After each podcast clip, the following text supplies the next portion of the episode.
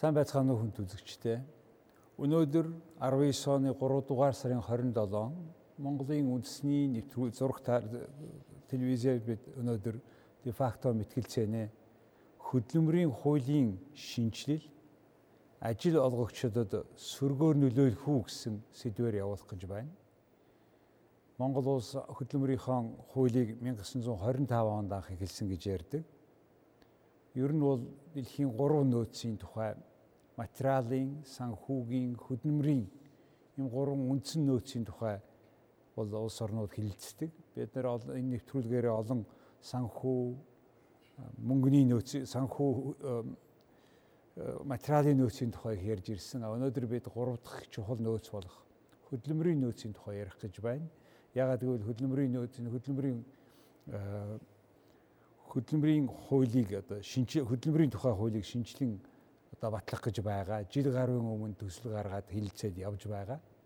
Тэгэхээр энэ хууль маань аль зэрэг одоо ажил олгогч ажилтнтайгаа яаж харьцаж байна, аль зэрэг тэгш хэмжээтэй байна. Энэ бүхнийг ярилцахаар бид өнөөдөр ингээд мэрэгжлийн хүмүүсийг урьж ирүүлээд байна. Альва нэгэн ардчилсан орны ёс заншлаар бид нар Монгол улс одоо хууль хийхдээ, хуулийг гаргахдаа ингээд төр иргэний нийгэм хувийн хөвчлийг оролцуулсан өргөн хэмжээний хилцүүлэг явуулдаг. А энэ хууль хүн болгонд хамаатай учраас бид энэ өргөн хилцүүлэгт өнөөдөр ингэж оролцож байгаа юм аа. За ингээд хөдөлмөрийн хуулийн шинжилсэн найруулга нь үнэхээр ажил олгогчдод ажил олгогчд сөрөг нөлөөтэй юу үгүй юу гэж ярилцахаар бид энэ мэтгэлцээнээ хэлж байна. За миний баруун гар талд үүнийг нотолж Цэндиживийн Мөнхбат гэж эргцүүж судлаач хүн оролцож байна. Мөнхбат 2007 онд их засаг их сургуулийг эргцүүн мэрэгжлээр төгссөн. Ажлын турших нь бол за 13 онд Sky Media корпорацийн захиргааны хилцээний дарга байсан. 14 онд Эрэл банкны хүний нөөцийг эрхэлсэн захирал, 15 оноос CDC консалтинг компанид захирал, мөн олон нийтийн энэ Мизис Монгол төрийн бус байгууллагын удирдах зөвлөлийн гишүүн. За ийм ажил хийдэг ийм эрхцүүж хуульч хүн байгаамаа. За миний зүүн гар талд өнөөдөр хөдөлмөр нийгмийн хамгааллын яамны газрын дарга хадагтай Баасан сүрэнгийн алимаа оролцож байна. Боловсрол 98 онд хөдөлмөрийн дээд сургуулийг хөдөлмөрийн эдийн засагч мэрэгжлэр бакалавр хийсэн. 2004 онд Австралийн Queensland их сургуулийн хөдөлмөрийн харилцааны магистр. За 2000 оноос хойш энэ энэ яаманд ажиллаж байгаа. Нийгмийн хамгаалал хөдөлмөрийн яамны мэрэгжилтнээс газрын орлогч дарга болтол ажилласан 12 он хүртэл дараа нь 12-оос 16 онд хөдөлмөрийн яамны за яамны газар нэр нь тэгж өөр болж исэн. Яамны газрын дарга 16 оноос хөдөлмөр нийгмийн энэ хамгааллын яамны газрын дагаар тус тус ажиллаж байгаа ийм хоёр эрхмийг бид э, манай өнөөдрийн мэтгэлцээнд урьж оролцуулаад байна. За ингээд одоо манай өөрийнхөө Итгэл цайныхаа дотоод журмын дагуу миний баруун гар талд байгаа эрхэм энэ хууль чинь ажил олгогчдод сөргөөр нөлөөлж байна гэдгийг баталж ярина. За. За юуны өмнө энэ телевиз үзэж сууж байгаа нийт үзэгчтэй энэ өдөр мэндийг хүргэе. За хөдөлмөрийн хууль бол яг зах зээлийн эдийн засгийн харилцаан шилжснээс хойш бол 1991 он за 1999 онд бол батлагдсан мөрдсөн. За тэр цагаас бол Монгол улс пост коммунист улс орны хувьд бол шижтэй үеийн хууль байсан. За одоо бол юу ихлээр 1999 оноос хойш бол боловсрууччин гэдэг ойлголт өөрөө хүний нөөцийн менежмент болсон. Аливаа асуудлыг менежментийн түвшинд, шинжилгээ ухааны түвшинд гаргаж ирж хөдөлмөрийн харилцааг бол зохицуулчихсан. За харамсалтай 1999 оны хууль бол өөрөө яг энэ хүний нөөцийн менежментийн онол хандлага, шинжилгээ ухааны байр суурийг хамгаалж чадсан юм хууль болж чадаагүй. Шилжилтийн үеийн пост коммунист улс орнуудад зориулагдсан юм хууль байсан. За тийм ч учраас ажлын цаг ажиллаж амьдрах тэр орчин нөхцөл дээр бол хөдөлмөрийн харьцаан дээр маш олон дутагдaltaй талууд байсан. За одоо энэ өргөн мэдүүлээд байгаа засгийн газрын өргөн мэдүүлсэн хөдөлмөрийн хуулийн төсөл бол яг энэ 1999 оны төслийг засаж сайжруулсан төсөл. Түүнээс биш концепцийн хувьд бол өөрчлөсөн агуулга байхгүй. Нөгөө хүний нөөцийн менежментийн онол хандлага за энэ одоо энэ байгууллагууд болон энэ яг хөдөлмөрийн зах зээл дээр байгаа энэ менежментийн ойлголтууд энэ дээр нэгэн ч тусагдаагүй.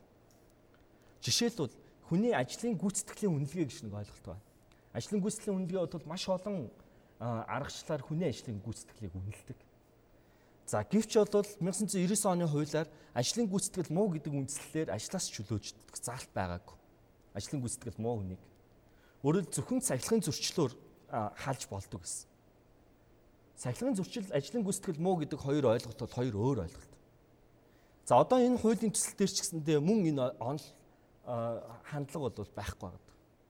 За нөгөө талаас хуучин хуулиар бол хөлбөмбөг хуулийн 41-2 буюу ажилтан мэрэгжил ур чадварын үед гүйцэтгэж байгаа ажил албан тушаалтаа тэнцэхгүй болох нь тогтоогдсон. Орчин үеийн байгууллагууд болон хувь хүмүүс юу гэж байгаа гэхээр ур чадварыг скил матриксаар гаргадаг болсон. 360 градусын үнэлгээ хийдэг болсон. Илүү объектив болсон. Субъектив тийм үнэлгээний аргачлалуудаас татгалзаж ирсэн харамсалтай нь 1999 оны хуулийг одоогийн хууль бол яг ингээд хуулбарлаад тавьчихсан. Нөгөө л нэг ур чадрын үнэлгээ гэдгийг аттестачлал гэж ойлгодог. Зөвхөн ур чадвар гэдгийг мэдлэг гэдэг ойлголтоор хамааруулад ингээд аваад үзсэн. Ур чадрын комисс гэж тогтоодог. Гэтэл энэ нийгэм чи өөрөө улам бүр хөгжөөд байна. Share эдийн засаг гэдэг ойлголтууд гараад ирчлээ. Фрилансер гэдэг ойлголт гараад ирчлээ. Аутсорсингийн хөдөлмөр эрхлэлт гараад ирчлээ маш олон энэ хөдөлмөр эрхлэлийн ойлголтууд гараад ирсэн. Жишээлбэл фрилансер гэдэг ойлголт байна. Дэлхийн хөдөлмөрийн зах зээлийн нийт хөдөлмөрийн зах зээлийн 20%-ийг эзэлж байгаа. Гэвч Монголын хөдөлмөрийн хуулиар бол фрилансер гэдэг ойлголтыг өнөөдөр зохицуулж өгөөг байна. За нөгөө талаас байгууллагын нууц өрсөлдөөний асуудлыг энэ хууль зохицуулж чадаагүй. Өөрөөр хэлбэл хөдөлмөрийн маргаан гэдгийг маш олон үе шаттай олгоод тавьчихсан. Тэр тэр үе шатт нь хөдөлмөрийн маргаанд бол эцсийн дүндээ ажил олгогч хохирдог. Тэр өмнөх 1999 оны хуулийг бол ажилтнанд ээлтэй хууль гэж маш олон ярьжсэн. Түүнээс юугаараа давуу талтай байгаа шинжлэх ухааны энэ онол хандлагаас яаж өөрчлөгдсөн талаар ерөөс ямар ч үзэл баримтлал байхгүй. За эдийн засгийн тооцооллууд хийгдэггүй. Жишээлбэл рострын асуудлыг өнөөдөр 2010 гэж. Яг бодиттой тал дээр оюутлогоо олон түүнээс тагсан энэ уул уурхайн энэ рострын асуудал зөвхөн уул уурхайн салбарт байхгүй байгаа. Зам тээвэр, аялал жуулчлал Жишээлбэл нэг амралтын газар гэж бодоход зөвхөн зуны 3 сар ажиллаж байгаа. Тэгэхээр энэ дээр өөрөөр хэлбэл рострын асуудал буюу өөрийнхөө гэрээс алсамтанд нөхцөл дээр ажиллаж байгаа тохиолдлуудыг яаж хэрхэн зохицуулах вэ гэдэг дээр зөвхөн уул уурхай дээр зохицуулт хийгээд авчихсан. Зам тээврийн салбар яах юм? Эрүүл мэндийн салбар яах юм? За нөгөө талаас аялал жуулчлалын салбар яах юм гэдгийг болвол энэ хуулиар зохицуулж өгч чадаагүй. Тэм учраас эдийн засгийн тооцооллуудыг огт хийгдэггүй зөвхөн өмнөх хуулийг хууль зүйн талаасаа судалгаа хийгээд энэ дээр бол ажлын хэсэгт бол менежментийн ямар доктор профессорд орж ажиллаваа гэдэг дээр бол би ерөөсөө ямар ч шинжилгээ ухааны доктор профессорд орж ажиллаагүй гэж бодож байна. Зөвхөн хууль зүйн ухааны докторууд орж ажиллаад гэтэл хөдөлмөрийн харилцаа гэдэг бол нэг онцлогтой хүний нөөцийн асуудлыг эдийн засгийн асуудлыг шийдвэрлэдэг. Энэ бол хүн бүрийн амьдралтай холбоотой энэ хуулийн зохицуулт шүү дээ. За. За саяын асуудлуудыг та анхааралд авсан байх. За тэгээд энэ одоо байгаа хуулийн төсөл маань яагаад ажил олгогчдын одоо энэ сонирхлыг хассан байгаа юм бэ? Та бол хасаагүй байх гэж ярих гэж байна тийм үү? За. За та бүхэндээ энэ өрөө мэндийг төвшүүлье. За өнөөдөр э, яг одоо ажил хөдөлмөр эрхэлж байгаа ажил олгогчдын за хөдөлмөр эрхэлж байгаа ажлагчдын одоо яг хүний амьдралын одоо өдөр тутмын үйл ажиллагаанд маш их чухал үр гүйцэтгэдэг хөдөлмөрийн тухай хуулийн төслийн талаар хилцүүлэг өрнөж байна. Энэ бол маш их ажил бодолтой цаг үе болсон хилцүүлэг байна гэж ингэж талархаж байна. За сая жаргал сайхан гоо хэллээ. Энэ хөдөлмөрийн хууль бол 1925 оноос ихтэй гэж аливаа хүчин үнэлэгчдийн дүрм гэж анх гараад за 30 он 31 он за 43 он 70 73 за тэгээ 91 99 гэдэг ингээд 8 одоо хууль үндсэндээ Монгол улсын одоо хөдөлмөрийн харилцааны асуудлыг энэ одоо 90 гаруй жилийн хугацаанд зохицуулж ирсэн юм төвхтэй. За энэ хуулийн төслийг өнгөрсөн жил одоо жил гаруй өмнө засгийн газраас боловсруулаад улсын хурлд өргөн барьсан. За энэ хуулийг боловсруулах за шатанд бол маш олон хилцүүлэг хийгдсэн. За энэ хууль бол нэг талаасаа мэдээж ажил олгогчдын одоо асуудлыг зохицуулах хэрэгтэй. Нөгөө талаасаа хөдөлмөрчин хүний ажил хөдөлмөр эхэлж байгаа ажиглагчдын хөдөлмөрийн харилцааны өдөр тутмын ажлыг бас зохицуулах хэрэгтэй. Цаашлаад энэ эдийн засгийн макро эдийн засгийн хувьд бол энэ дөрөв бас хэллээ гурван том нөөцийн нэг чухал хэсэг хөдөлмөрийн нөөцийн асуудлыг зохицуулах энэ том хууль учраас маш өргөн хилцүүлэг хийсэн гэдгийг бас юуны өмнөөс хэлхийг хүсэж байна. За хөдөлмөрийн хуулийг ер нь яагаад гаргадаг вэ гэдэг асуудал. Одоо хөдөлмөрийн эдийн засагч, за хөдөлмөрийн эрх зүйч энэ олон улсын түвшинд яригддаг асуудал бол нэгдүгээрт бол хоёр л үүрэгтэй гэж ингэж үзэж байгаа хөдөлмөрийн хуулийг. Нэгдүгээр дэмжих үүрэгтэй. За дэмжих үүрэг гэдэг маань үндсэндээ хөдөлмөрийн зах зээл дээр хөдөлмөр эхэлж байгаа хүмүүс за хөдөлмөр эхлэх ажлын байрыг бий болгох хөдөлмөрлөлтийг нэмэгдүүлэхэд энэ хөдөлмөрийн хууль хүний нөөцийг одоо хөгжүүлэхин чиглэл рүү нь бол дэмжих үүргээ хангах ёстой. За хоёрдугаар хамгаалах үүрэг. За хамгаалах үүрэг гэдэг маань үндсэндээ хөдөлмөрийн харилцаанд бол мэдээж одоо маш тэнцвэргүй хоёр тал оролцож байгаа. Нэг нь бол ажил олгогч гэдэг маань за өөрөө ажил одоо бизнестэй, хөрөнгө мөнгөтэй тодорхой хэмжээний хүмүүсийг одоо ажлын байраар хангаж байгаа ийм хүн. За нөгөө талаасаа зөвхөн ажиллах хүчээ одоо ажил олгогчд үнэлж байгаа ажилтан хүний тухай асуудал. Энэ маш тэнцвэргүй харилцаа. Тийм учраас энэ нөхцөлд ажилтан хүний эрх ашиг хамгаалах асуудал бас мэдээж хамгаалах гэдэг энэ хөдөлмөрийн хуулийн бас гол концепцийн зарчим дээр бол нийцэх ёстой маа гэдэг. Энэ онлын зарчим бол ийм ээ. За хамгаалах үүрэг дотроо ялангуяа эмэгтэйчүүд, за насан туршаагүй одоо хөдөлмөр хийж байгаа хүмүүс, хөгжлийн бэрхшээлтэй иргэд, за ахмад наст ингээд энэ одоо нийгмийн бүлгийн хүмүүсийн хөдөлмөрийн одоо харилцааны асуудлыг бас онцгойлон хамгаалах ёстой гэдэг ийм зарчмыг бол баримтлах ёстой маа. За 99 оны хөдөлмөрийн хуулийг одоо манай Мөнх бат хуульч хэлж байна. Үндсэндээ шийдэлтийн үеийн хууль бол мөн. За энэ гэхдээ энэ хууль маань бас өнөөдрийн хүртэл одоо 20 жил үйлчилж ирлээ. За энэ хугацаанд бас тодорхой үүргээ бол гүйцэтгэж хангалттай үүсгэж ирлээ гэж ингэж үзэж байгаа. За гэхдээ одоо нийгмийн эдийн засгийн байдалтай холбоотойгоор одоо хөдөлмөрийн зах зээл дээр гарч байгаа өөрчлөлтүүд за энийг бол зохицуулах бас боломж энэ хуулийн хүрээнд бол хязгаарлагдмал байна. За тухайлах юм бол энэ хуулийн хамар хүрээ маш хязгаарлагдмал зөвхөн одоо яг хөдөлмөрийн гэрээ байгуулсан нөхцөл хөдөлмөрийн гэрээний гэрээ байгуулсны дараа харилцааг энэ хөдөлмөрийн хууль зохицуулна гэсэн энэ хамар хүрээ маш хязгаарлагдмал байгаа. За энэ маань одоо юу гэдгийг одоо албан бус эдийн засгт ажиллаж байгаа за одоо иргэд хоорондоо одоо хөдөлмөрийн харилцаанд орж байгаа энэ хүмүүсийн одоо хөдөлмөрийн харилцаа зохицуулах боломж бол байхгүй болж байна. За хоёрдугаар хөдөлмөрийн зах зээл дээр одоо төрөө хэллээ хөдөлмөрийн одоо хүний нөөцийн менежментийн маш олон арга хэлбэрүүд аяг одоо ашиглаж байна гэж. За энэ одоо бүтэн бус цаг гэж ярьдаг энэ одоо хөдөлмөрийн эрх зүйчтэй хувьд бүтэн бус цагийн асуудал гэж яригдж байгаа. За дээрэс нь ростер гэж хэллээ. Жаса гэж бид нар бас нэрлэж хуулийн төсөлтөд тусгасан байж байгаа. За хүний нөөцийн компаниудаар дамжуулаад энэ хөдөлмөр хөдөлмөрийн харилцааны гурвалсан энэ харилцааг бас ашиглаж байгаа гэх мэт. Энэ олон одоо хөдөлмөрийн зах зээл дээр гарч байгаа шинэ хэлбэрүүд зайнаас ажиллах ажиллах одоо зохицуултууд байж байна. Энэ зохицуултыг бол нэмэх зайлшгүй шаардлага байна гэж а ингэж үзэж байгаа. За түүнээс гадна манай улсын хувьд бол аж ахуйн нэгжийн байгууллагуудын бүтэц бол их өөр юм аа. За 80 гаруй нийт одоо идэвхтэй үйл ажиллагаа явуулж байгаа аж ахуйн нэгж байгууллагуудын 80 гаруй хувь нь одоо маш цөөн хүнтэй буюу нэг 10-аас доош хүн хүнтэй ажиллагчтай ийм жижиг аж ахуйн нэгжүүд байна. Тэгэхээр хөдөлмөрийн хуулийн шинжилсэн хариулгын төслийн одоо гол зарчим бол ер нь энэ ажил олгогч ажилтны хөдөлмөрийн харилцааны суур хэм хэмжээг нь тогтоогод өгчээ. За энэ суур хэм хэмжээнээсээ дээшлүүлэх асуудал нь бол тухайн одоо аж ахуйн нэгж байгууллагын эдийн засгийн бололцоо юу вэ гэдэг энэ одоо эдийн засгийн нөөц бололцоо зохих одоо тэр төвшнийх нь асуудлуудтай холбогдоод дээшлүүлэх эрхийг нь бол ажил олгогч олгож байгаа. Ажил олгогч нь энэ стандартуудаа дээшлүүлээд явуулах энэ боломцоог бол нээж өгье. Тэгэхээр зэрэг суур хэмжээгээ хөдөлмөрийн хууль тогтоомжоор тогтооё гэсэн ийм зарчмын асуудлууд байж байгаа маа. За одоо мөрдөж байгаа 90 оны хөдөлмөрийн хууль бол үндсэндээ бас зарим талаараа бол яг үнэхээр ажил олгогч ажилтны эрх ашиг хамгаалсан хууль гэж яригдж байгаа. Гэхдээ мэдээж хамгаалах үүргээ бол энэ хөдөлмөрөөр гүйцэтгэх хэрэгтэй. Одоо бол бас хөдөлмөрийн зах зээлийн шинэ орчин нөхцөл үүсэж байна. Тийм учраас ажил олгогч ажилтны хоорондын энэ эрх үүргийн тэнцвэртэй харьцааны асуудлыг бас энэ хуулинд нэлээд тусгаж өгсөн гэж ингэж үзэж байгаа. За бас за тодорхой хэлэх юм бол одоо мөрдөж байгаа хуулийн дээр бол ажил олгогч ажилтны эрх үүргийг бол нэлээд одоо хялбаршуулсан байдлаар маш товч байдлаар томьёолсон байж байгаа. За одоо хуулийн шинжилсэн хариулгын төсөл дээр маш нарийн байдлаар ажил олгогч одоо ямар эрхтэй вэ? За ажилтан ажил олгогчийнхаа өмнө ямар үүрэгтэй вэ? За энэ эрх үүргийн тэнцвэрийг бас нэлээд хангах чиглэлээр ажилласан гэж бас хэлж болох юм аа. Тэгэхээр энэ хуулийн шинжилсэн хариулгын төсөл одоо хэцэгдээд ингээд их хурл дээр хаврын чуулганаар хилцэх бах. Тэгээд энэ хүрээнд бас нэлээд одоо шин одоо хилцүүлэг ярилцлагуудыг нэлээд хийж байна. За ер нь бол энэ хуулиараа ажил олгогчд бол бас хэд хэдэн боломжийг шинээр одоо нээж өгч байгаа гэж ойлгож байна. За юун төрөө энэ хөдөлмөрийн хөдөлмөрийн харилцаанд уян хатан зохицуулт хийх болцоог бид нар олгож байна. Одоо бүтэн бус цагаар хүн аваад ажиллах болцоо байж байна. Зайнаас хүн ажиллуулж болж байна. За хүний нөөцийн менежментийг зохицуулаад тэр гуравдарч буюу хүний нөөцийн компаниудаар дамжуулаад хүний нөөцөө бүрдүүлэх боломж нөхцөлийг олгож байна. За ростроор ажиллах гэдэг энэ хэв шинж бас одоо уул уурхайн салбар дээр нэлээд ажиллагдаж байна. За ростер гэснээс яг энэ хуулийн төсөл бол яг уул уурхай олборлох салбарт одоо байнгын үйл ажиллагаа явуулж байгаа. За жилийн дөрвөн үйлрэл үйл ажиллагаа явуулж байгаа. Энэ одоо байгууллагуудын үйл ажиллагааг одоо ажлын одоо ээлжийн ростер хэлбэрээр зохион байгуулна гэсэн.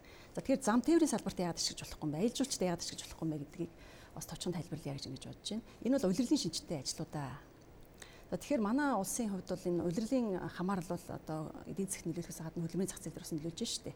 Тэгэхээр улирлын чанартай бий болж байгаа ажлын байрууд дээр үнэхээр замын ажил дээр жишээ нь одоо дулааны улиралдаа л одоо тэр зам замынхаа засвар үйлчлэгээ шин зам барих ажиллагаа явна штэ. Тэгэхээр зэрэг энэ хугацаанд ростерыг хэрэглэнэ гэх юм бол ажил олгогчд илүү зардал гарна гэж би ингэж үзэж байна. Тэгэхээр одоо 20 хоног ажиллуулчаад 10 хоног гэртэн амрахаар явуулаад за энэ хугацаанд дахиад нөгөө хүний нөөцөө яаж бүрдүүлэх яаж зохицуулах хэмтээ. Тэгэхээр энэ жилийн турш тасралтын үйл ажиллагаа явуулж байгаа нөхцөлд энэ ростерыг ашиглах хэрэгтэй маа. За одоо энэ зам тээврийн салбар, аялал жуулчлалын салбар гэдэг энэ улирлын чанартай үйл ажиллагаа явуулдаг салбарууд дээр л ажлын цагийг нэгтгэн бодох журам гэж одоо ч мөрдөж байгаа. За шинэ хуулийн төслөөр бас оруулж байгаа. Тэгэхээр энэ ажлын цагийн жилийнхэн ажлын цагийн фондыг тооцоод За тэр тухайн одоо удирдлынхаа ажилдаа хэдэн цаг ажиллав, амралтын яа зохицуулах гэдгээ тооцоод явждаг юм журамтай. Тийм учраас зам тээврийн салбарт бол энэ рострыг ашиглахад бол болцоо их муутай. Ялангуяа ажил олжлаасаа илүү хүндрэлтэй байхаа гэж ингэж бодож байна. За иймэрхүү зүйлийг товчлээ. Тэгээ цаашдаа бас тодорхой асуудлаар бас ярилцах боломж гарах хаа гэж байна. За тэгэхээр ингээ одоо та сая сонслоо шүү дээ. Ростер гэдэг ч юм уу энэ маягийн зарим салбарт болохгүй байна За нэгдүгээр хэм ярьж. Ер нь бол хууль бол хамгаалах учраас гэж ярьж шít. Тэрэнд голдуу зориулнаа гэж ярьж байгаа. Тэгээ юм учраас тэгсэн ч гэсэн бүтэн бүтэн бус цагаар ажиллах хөдөлмөрийн хуваарийг зохицуулж байгаа, алсаас ажилуулахыг зохицуулж байгаа, зайнаас ажилуулахыг юм. Тэгээд энэ дотор ингээ байгаад харц урд урд өмнөхөө одоо бас илүү зохицуулсан юмуд оруулсан байна. Тэгэхээр та саяхан ярьсныг үндэслээд юу дутуу оруулсан гэж үзэж байна. За эхлээд концепцээс нь ярих гэж бодож байна. Хоёр ерөнхийдөө бол энэ хууль бол үүрэгтэй гэдэг талаасаа тайлбарлаж байна. За энэ бол угаасаа ажилтан ажил олгогч хоёр бол тэнцвэргүй. Тийм учраас ажилтны эрх ашигыг нь илүүтэй хамгаалах үүргээр нь гаргаж ирж байгаа юм байна. За энэ бол Марксийн онол. Карл Маркс өөрөөр хэлбэл эдийн засгийн харилцаан дээр юу гэхээр капиталистууд буюу капиталистууд бол анханасаа энэ нэг өмчлсөн учраас баян хүн баян байна гэдэг энэ онолыг төвшүүлж гаргаж ирсэн. Бид нар энэ онолоос татгалзаад 30-аад жил болж байна. Тэгэхээр суур энэ концепц өөрөөр хэлбэл энэ хуулийг баримтлаад байгаа концепц нь юун дээр суйрлаад байгаа юм бэ гэдэг. Тэгэхээр энэ нэгдүгüрт нь энэ концепцийг боловсруулахдаа бид нар яг ямар онолын үүднээс боловсруулсан юм. За хоёрдугаарт нь хөдөлмөрийн зах зээлийг ер нь 1990 оноос хойш либералчлаагүй. Өөрөөр хэлбэл сайн ур чадвартай ажилтан муу компанид орчоод ажилласаа гарах ихлээр сайн компанид орсон муу ур чадваргүй ажилтан байдаг. Нөгөө ур чадваргүй ажилтны чинь ажиллаас халж чаддаггүй. Өөрөөр хэлбэл зах зээл гэдэг чинь бол хөдөлмөрийн зах зээл эргэлтэнд орж явах хэрэгтэй. Гэтэл ажиллаас халах тэр боломж нөхцөлийг нь хязгаарлаад өгсөн учраас либералчлахгүй. Тэм учраас энийг ганцхан тоо баримтаар нотолж болно. Өнөөдөр хөдөлмөрийн зах зээл дээр 80 гаруй мянган ажлын байр өнөөдөр сул байгаа. Дунджаар нэг ажлын байранд иргэнийг ажилд авах гэж 2 сар зарцуулж байна хүний нөөцүүд. Яагаад? Гэтэл 200 мянган гаруй ажилгүй иргэд байна. Ямар учраас? Яагаад гэвэл яагаад Монгол хүний үндэнч муу агаад байгаа юм бэ? Яагаад гэвэл энэ хөдөлмөрийн зах зээлийг либералчлаг гэдэг холбоотой. Эдийн засгийн тоосоо судалгаа. За сая ажлын цагийг нэгтгэн бодох журмаар зам тээврийн салбарыг зохицуулдаг гэж. Бодит байдал дээр зам тээврийн салбарыг яг харах юм бол ростер зохицуулж байна. Ростер гэдгийг буруу тайлбарлаад байна л да. Ростер гэдэг чинь тэр 20 10-даа биш шүү дээ. 20 хоног ажиллаад 10 хоног ирж ажиллах биш. Өөрийн гэрээс алсагдмал нөхцөлд хөдөлмөр эрхлэх зохицуултыг хилээд байгаа. Энэ дотор нь тэр цагийн зохицуултыг явдаг. За энэ хуулиар мэдээж өмнө байгаа харилцааг сайжруулсан нэлээд олон заалтууд байгаа. Төрүүн тэр зайнаас харилцах, гурвалсан гэрээ, гихмшлэн гэр. А гэхдээ аялал жуулчлалын салбар дээр жишээлбэл э, э, өөрийнхөө гэрээс алсандмал нөхцөл дээр зам тээврийн салбар дээр очиод ажиллаж байгаа. Тэр яг энэ тооцоо судалгаануудыг яг энэ салбарууд дээр хийсэн үү? Бид нар өмнө нь 2018 оны 10 дугаар сард Монгол улсад үйл ажиллагаа явуулж байгаа компаниудын хүний нөөц захирлуудыг цуглуулах хилцүүлэг хийсэн. Тэрэн дээр ажлын хэсэгт оролцсон ажлын хэсгийн гишүүн, саран цэцэрлэг гишүүн оролцсон. За ингээд яг зам тээврийн салбар дээр яг энэ асуудлыг ярьдаг. Зам тээврийн салбар бол удирдлагын шин чанартай гэж. Удирдлын шин чанараар зохицуулагдж байгаа ажлын цагийн нэгтгэн бодох журмаар зохицуулагдаад байгаа биш. Одоо ягаад ажлын цагийн нэгтгэн бодох журмаар зохицуулж байгаа вэ гэхээр одоогийн хөдөлмөрийн хууль дээр ростроор ажиллах энэ зохицуултыг угаасаа хөдөлмөр хууль байхгүй байгаа учраас 1999 оны тэр 122 дугаар тогтоол буюу ажлын цагийн нэгтгэн бодох журмаар төсөөтэй хэрэглээд байгаа. За дараагийн нэг асуудал байгаа да. Иргэд хоорондоо энэ хөдөлмөрийн харилцааны энэ хамрах үрийг нь өргөтгсөн юм а гэж За тэрэн дээрээ иргэд хоорондоо хөдөлмөрийн гэрээ байгуулж болохгүй байсан. Малчид туслах малчинтай хөдөлмөрийн гэрээ байгуулж болохгүй байсан гэж яриад тах шиг. Үгүй ээ. Зөвхөн энд хөдөлмөрийн хууль хөдөлмөрийн гэрээний үндсэн дээр үйлчилж байгаа хууль биш гэдэг агуулга яриад байгаа. Гэтэл энэ хуулийн төслийг харахаар зөвхөн хөдөлмөрийн гэрээг тэгвэл тайлбарлсан баг шүү. Хөлсөөр ажил гэрээ энэ хуулийн зохицуулалтанд орох уу? Орохгүй. Ажил гүйцэтгэх гэрээ өнөөдөр энэ хуулийн зохицуулалтанд орох уу? Орохгүй Өмнөх 1999 оны хуулиар малчид иргэнтэй хөдөлмөрийн гэрээ байгуулж болдог шүү дээ. Хөдөлмөрийн гэрээ байгуулж чадна. Ажил олгогч иргэн, ажил олгогч хуулийн этгээд байж л байсан. Шүүхийн бүх шүүх цаг эмэн лөө ороо шүүхийн шийдвэрүүдийг харах юм бол энэ талаар үүссэн маргаан байгаа шүү дээ. Иргэн өөрөөр хэлбэл 8 нэрийн дэлгүүр ажиллуулж илаа. Тэнд хуулийн этгээд байгуулаагүй. Тэгээд тэнд ажиллаж байгаа хүнтэй хөдөлмөрийн гэрээ бичгээр байгуулах үүрэгтэй шүү дээ хөдөлмөр э, эрхэлж эхэлсэн л бол хөдөлмөрийн гэрээ бичгээр байгуулах үүрэгтэй. Хөдөлмөрийн тухай хуулийн 21-р зүйл болон 24-р зүйл. Одоо энэ 1999 оны үйл. Тэгэхээр энэ хөдөлмөр эрхлэлтэй харилцааг өргөтгөх чинь гээд хуучин хөдөлмөрийн тухай хуулийн 1-р зүйл заасан энэ хуулийн зорилт нь хөдөлмөрийн гэрээний үндсэн дээр үүссэн харилцааг зохицуулна гэсэн энэ заалтыг хөдөлмөр эрхлэлтэй харилцаа гэдээ ойлгомжгүй болгоцсон. Тэрийгэ тайлбарлангуудаа энэ э, бол хуучин хуулиуд зөвхөн хөдөлмөрийн гэрээн дээр үүсдэг байсан гэж тайлбарсан. Гэтэл одоогийн хууль чинь тэр чигтээ хөдөлмөрийн гэрээ байгуулах, хөдөлмөрийн гэрээ цуслах, хөдөлмөрийн гэрээ дуусгаруулах харилцааг л тайлбарсан байна шүү дээ. Өөр ямар гэрээг яг энэ хуулиар зохицуулсан. Ийм асуудлуудыг оруулаагүй байна гэж үзэж байна. Та яаж харж байна? За яг хөө зүгээр э, товчхон бас хэдэн зүйл хийе. За энэ ажил гүйцэтгэх гэрээ хөлсөөр ажиллах гэрээтэй холбоотой асуудал яригдаад байгаа маа. За хөдөлмөрийн хууль өргөн барих э, одоо судлах э, хуулийн төслийг босруулах явцад бол бид нэг судалсан. За үндсэндээ хөлсөөр ажиллах гэрээ гэдэг бол иргэний хуулийн за 32 дугаар бүлгээр зохицуулж байгаа ба. За энэ хөлсөөр ажиллах гэрээ маань нэг талаас харахад хөдөлмөрийн гэрээ юм шиг. Өөрөөр хэлэх юм бол 5 хүртэл 5 жилийн хугацаагаар байгуулж болдог. За хөдөлмөрийн эрхлэлтэй харилцааны үндсэн хэв шинжүүд болох тэр ажил олгогчийн хяналт тавьдаг. За ажлын одоо багаж зэвсэг ажлын байраар хангадаг. За цалин өсөө тодорхой хугацаагаар олгодог гэх мэт энэ хөдөлмөрийн харилцааны хэв шинжүүдийг агуулдаг мөртлөө нөгөө талаасаа иргэний одоо ажил гүйцэтгэх гэрээний харилцааг бас давхар оруулсан бас нэг юм нэлээд тийм төвхтэй байдлыг бас хөдөлмөрийн харилцааны хувьд бол үүсгэж байгаа маа. Тэгэхээр бид нэр судалж үзсэн ямар ч үсэн хөдөлмөрийн одоо энэ ажлын хэсэг их хурал дээр гараад мөхөргөл улсын хурлын гишүүн мөхөргөлөөр ахлуулад ажлын хэсэг ажиллаж байгаа. За энэ хөлсөөр ажиллах гэрээ, за хөдөлмөрийн гэрээ, ажил гүйцэтгэх гэрээний энэ хоорондын одоо маргаантай бодлонтойгоо асуудлыг зохицуулах асуудлаар бас өчтөр хөдөл хуульчдын хүрээнд бас хилцүүлэг зохион байгуулад тодорхой одоо шийдвүүдийг гаргахаар ажиллаж байна. Тэгэхээр энэ хүрээндээ хөлсөөр ажиллах гэрээг одоо ямар байдлаар зохицуулах вэ? Эсвэл байх уу? А байвал ямар хэлбэрээр энэ гурван гэрэний ялгаа цагийг бас ялгаж өгөх ёстой маа гэдэг ийм зүйлээр бол ажиллаж байгаа. За түрүү бас манай мөнхөт хуульчин ярьж байгаа гүйцэтгэлийн үнэлгээтэй холбоотой асуудал ярьж байна. За тэгэхээр зэрэг мэрэгжил ур чадвар одоо гүйцэтгэлийн үнэлгээтэй холбоотой асуудлыг бол энэ ажил олгогч энэ хүн гүйцэтгэл муутай хүнийг ажлаас салж болохгүй нэ гэсэн юм. Сая хэлэх шиг боллоо гэж ингэж ойлгож байна. Тэгэхээр ер нь бол хөдөлмөрийн гэрээндээ мэдээж гүйцэтгэл муутай ажлын одоо үрдэн муутай хүн бол ажлаасаа халагдах нөхцөл болцоо нь бол байж байгаа. Дотоод журмаараа хөдөлмөрийн гэрээндээ яаж одоо тусах уу гэдгээс ажил болгох шалтгааллах хэрэгтэй. Ямар нөхцөлийг одоо зөрчил хөдөлмөрийн гэрээгээ одоо хөдөлмөрийн гэрээ дотоод журмуудаа хэрхэн зохицуулах вэ? Ямар эмийг сахлахын зөрчил гэж үзэх вэ гэдэг юм нарийн тогтоосон нөхцөлд бол за ажлаас халах болцоо ажил болгох олон байгаа шүү дээ. Олон одоо үндслүүдээр ажлаас халах нөхцлүүд нь бол ажил болгогчд байж байгаа. За мэрэгжил ур чадварын хувьд тэнцэхгүй бол гэх мэт. За эрүүл мэндийн хувьд за одоо шинэ хуулийн төсөл төр бол энэ мэрэгжил ур чадварынхаа одоо нотолж байгаа баримтчгийн хоромжаар бүрдүүлсэн. За гэмтийн ийм шинэ нөхцлүүдийг бас ажил болгогчийн зүгээс нэмж байгаа За хуулийн төсөл дээр бас шинээр нэмэгдэж байгаа хэд хэдэн бас шинэлэг асуудлуудыг бас би хэлхэн зүйтэй авах гэж бодож байна. За энэ бол нөгөө илүү ажиллагч талдаа бас хэрэгтэй залтууд юм а гэж ингэж бодож байна. За тухайлах юм бол хөдөлмөрийн гэрээндээ одоо өрсөлдөөнийг хориглох залт. За ажил олгогчтойгоо одоо одоо ажиллаж ур чадвар эзэмшчихэд ажил олгогчтойгоо ижилхэн компани байгуулад явах юм эсвэл ижилхэн одоо бүтээгдэхүүн үйлдвэрлээд зах зээл дээр өрсөлдөхгүй гэдэг нь үл өсрөлтөх гэрээний гэрээний зохицуултыг бас энэ дээр оруулж байгаа.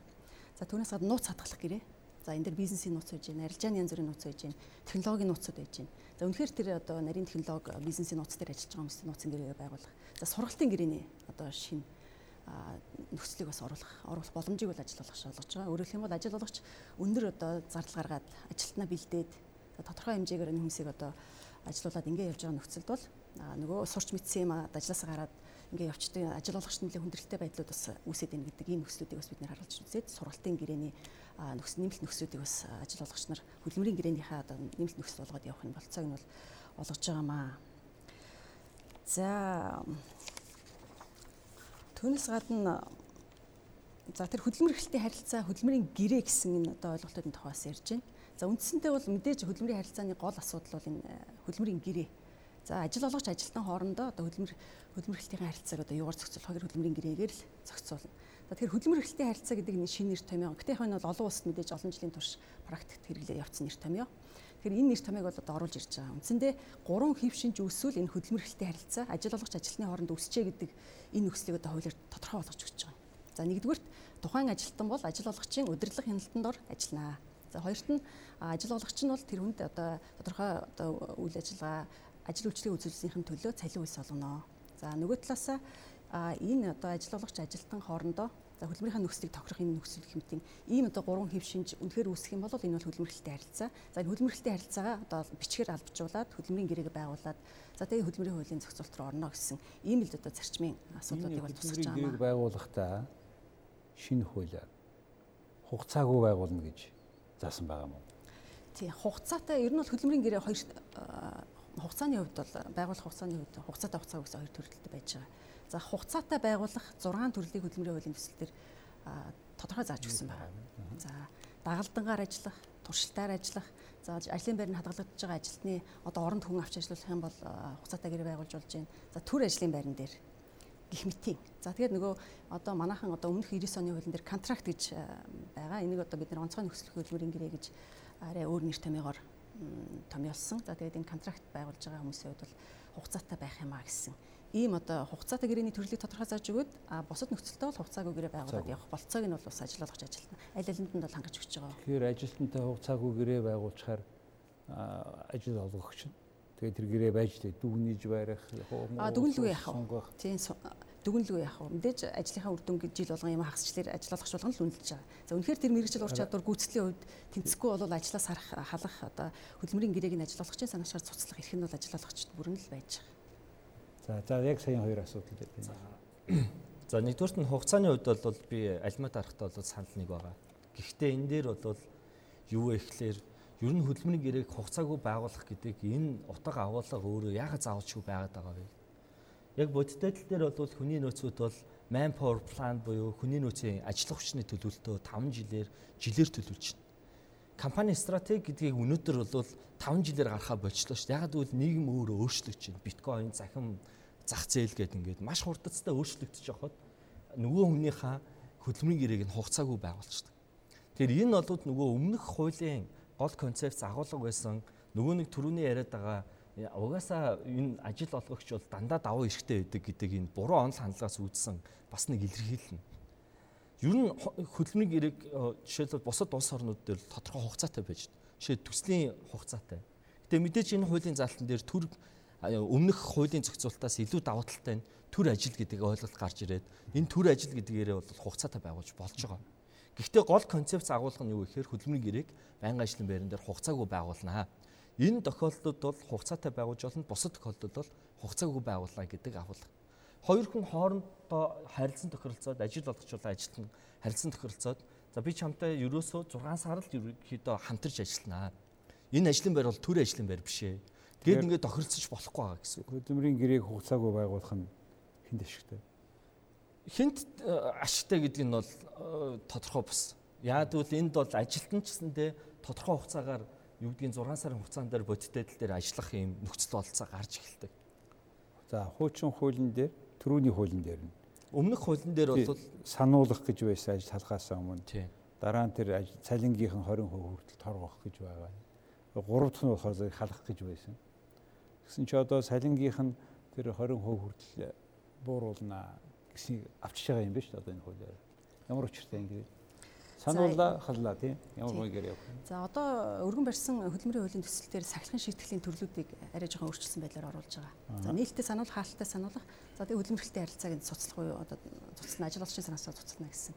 Ийм одоо гурван хэлбэрийн сахилгын шийтгэлийг одоо хуулийн төслөөр оруулсан. За нээлттэй хаалтаа гэдэг яг товчхон хэлэхэд нээлттэй гэдэг нь хаалтаа гэдэг нь бол тухайн хүндээ одоо сахилын зөрчил гаргасан нөхцөлд нь бол ажил олгогч бичгээр шийдвэр гаргаад өөрт нь мэдэгдэнэ гэсэн. Ийм ийм зөрчил гаргасан учраас танд сануулж шүү гэдгийг хэлнэ. За нээлттэй гэдэг нь бол мэдээж одоо ажлын хамт олонныхын өмнө ийм зөрчил гаргасан учраас ингэж одоо сахилын шийтгэл ногдуулж байна гэдгийг хэлнэ гэсэн. За мэдээж хаалх гэдэг бол тодорхой ойлгомжтой.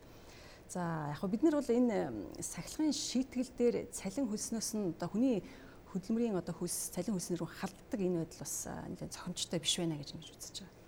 За яг бид нар олон улсын маш олон одоо улсын хуулиудыг үзлээ. Тэгэхээр энэ нэр нь хөдөлмөрийн одоо сахилгын шийтгэл болгож хүний цалингаас хасдаг шийтгэл бол ер нь одоо цөөхөн арабын эдийн оронд л үлдсэн байна.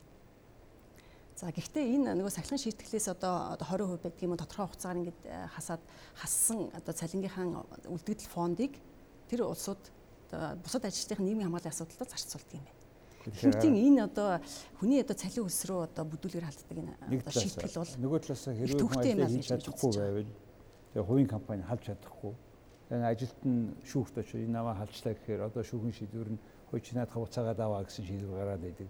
Ийм тойргийг яаж гарах? Хэрвээ нөгөө хүн ажлаа хийж чадахгүй, ур чадваргүй Тэгэхээр зэрэг бас түрүү тайлбарлаад байгаа юм. Үндсэндээ тэр мэрэгжил ур чадрын хувьд тэнцэхгүй сахилгын зөрчил гаргаад хөдөлмөрийн гэрээ, дотоод журам, за хөдөлмөрийн хууль тогтоомжийг зөрчиж байгаа хүмүүсийг ажлаас халах эрх нь бол ажилгүйчд бүрэн нээлттэй байж байгаа. За энийгээ дотоод журмаараа бүрэн тодорхой зохицуул хөдөлмөрийн хуулийн шин төсөл төр бол хөдөлмөрийн хууль тогтоомж дотоод журам за хамтын одоо гэрээгээ түүнээс гадна хөдөлмөрийн гэрээгээ зөрчсөн болвол ажил олгогч ажлаас нь одоо чөлөөлж халах бол эрх нь нээлттэй байгаа. Гэхдээ энэ дээр шүүхийн практикс харахад бол нийт одоо хөдөлмөрийн хууль тогтоомжоор гарч байгаа хөдөлгөөний маргааны нэг 60 орчим хувийн одоо ажлаас халахтай холбоотой маргаан байна.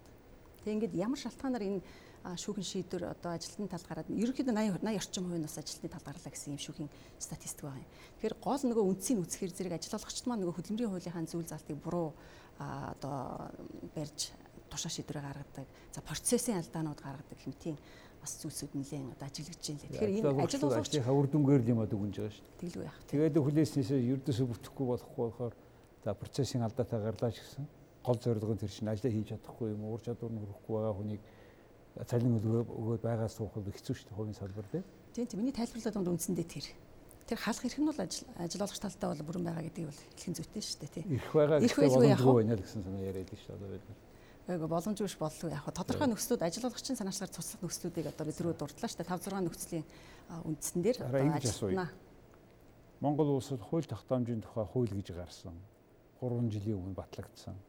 Тэгээ өнөөдөр Монгол улсад гарах гэж байгаа бүх хуулийг гаргахаасаа өмнө дөрвөн үндсэн нөхцөлийг хангасан байх ёстой. Судалгаа хийгдсэн байх ёстой. Хараат бусаар ямар зардалтай болохын хэлсэн байх ёстой. Тэгээ юугийн сайжруулж байгааг хэлэх ёстой тийм ээ. Энийг ийм судалгааны байгууллагуудаар хийсэн ийм дүгнэлтүүд байх ёстой. Тэгээ яг энэ хуулийн дээр хэн тийм судалгаа хийж дүгнэлт гаргасан бай. Тий. Хууль тогтоомжийн хуулиар хуулийн төсөл босруулахад бол бас нэлийн өргөн шаардлага тавьж байгаа өөрөө чи хэлж байгаа үнэн судалгаанууд хийх хэрэгтэй эдийн засгийн тооцоолоод хийх чинь хууль зүйн нөлөөлийн судалгаанууд хийх хэрэгтэй. За хөдөлмөрийн хуулийн төсөл төр бол бид нэр за 10 гаруй судалгаа хийсэн байгаа. Бид нар гэдэг нь а манай яам байж гэн за мэрэгжлийн судлаач нар байж гэн манай яамны харьяа одоо хөдөлмөр нийгмийн хамгааллын судалгааны институт институт ажиллаж байгаа. За гэх мэт гэхдээ чиглэл чиглэлээр нь хийж байгаа. За хамтын гэрээ хэлцээр хэрэгжилт ямар байна вэ гэдгийг судлаа. За хөдөлмөрийн одоо гэрээтэй холбоотой зохицуултын асуудлаар уран огш одоо уран цэцэг профессор судалсан багч шийтэй.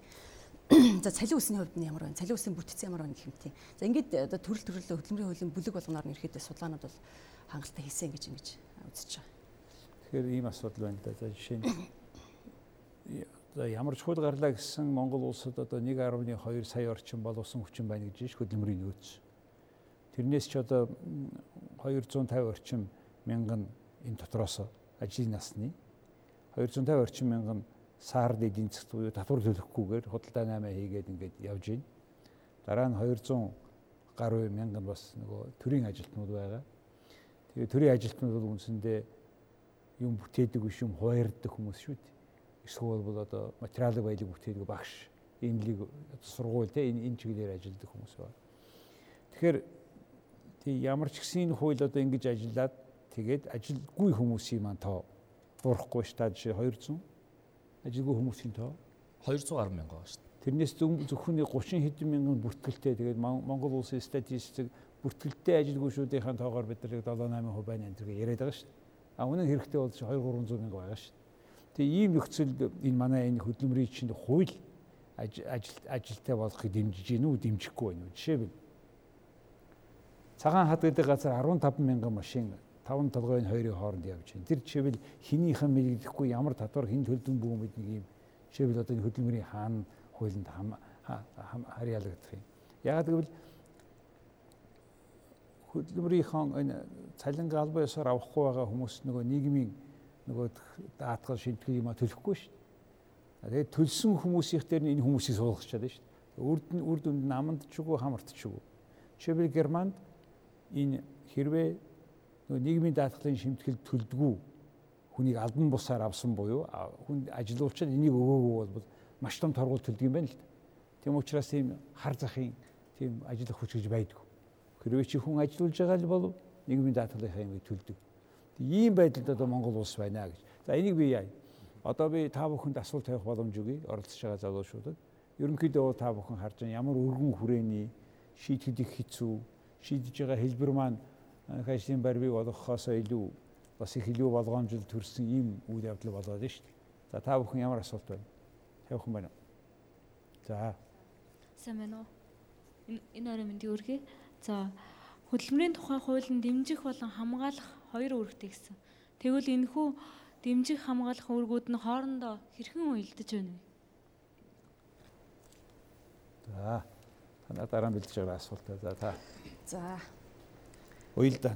Тий, уялдаа гэж асууж байна. Тэгэхээр ямар агуулгаар уялдаа гэж асууж байгаа юм бол тоо. За яг зөвхөн би өөрийнхөө ойлгосноор хариулъя. За дэмжих гэдэг нь бол одоо та бүхэн ойлгочлоо. Үндсэндээ энэ одоо хөдөлмөрийн зах зээлийг одоо илүү хөдөлмөрийн зах зээлийн шилж хөдөлгөөнийг одоо эрчимжүүлэх, ажилтай болгох, хөдөлмөрлөлтийг нэмэгдүүлэх энэ чиглэл одоо хүний нөөцийн менежментээ одоо зохицуулахын болцоог энэ чиглэлээр дэмжиж ягдаг.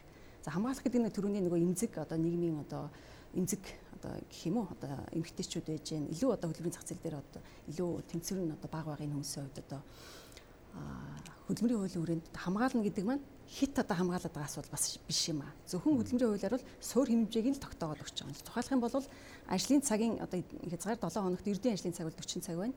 За одоо шинэ хуулийн төсөл дээр бол илүү цагийн хязгаарыг жишээ нь тавьж өгч байгаа. 56 цаг гэх мэт энэ ерөнхий хэм хэмжээ доод одоо хамгаалтуудыг л тавьж өгнө. За энэс дэше гарах нь бол ажилгүйчийн эрх мэдлийн асуудлаа гэдэг. Тэгэхээр энэ уялдаа бол үндсэндээ нэгдүгürt тэр хамгаалах гэдэг нь стандарт доод хэмжээг нь л тогтоогод өчөж байгаа. За тэгээд дэмжих гэдэг нь бол мэдээж тэр бос асуудлаа зохицуулна. Тэгээд үндсэндээ хөдөлмөрийн зах зээл дээр одоо ажилтан хүний одоо ажлын байр энэ одоо бүх юма зохицуулах эрх нь бол ажил олгогч талдаа зөвхөн тэр доод хэмжээг л хангах хэрэгтэй. Тэн дээрээс ахаад дэвшлүүлээд явах нь бол ажил олгогчийн одоо эдийн засгийн боломжоос шалтгаалах юм а гэдэг ерөнхий хуулийн концепц бол энэгээр л уйлд болов уу цаг гэдэг нь юу гинэ? Тэгээ илүү цагийн цагийн дээд хязгаарын тухай ярьж байна. Илүү цагийн дээд хязгаар. Би хариулчих уу. За.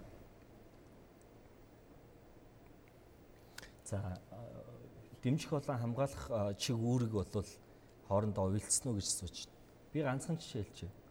За шинэ хуулийн төслийн 71-р зүйлийн 71-2 жасаагаар ажиллах ажилтны ажлын өдрийн цагийн үргэлжлэл 12 цагаас илүү байх бөгөөд нэг сард илүү цаг 72-оос илүүгүй байна гэж байна. Нэг сард он.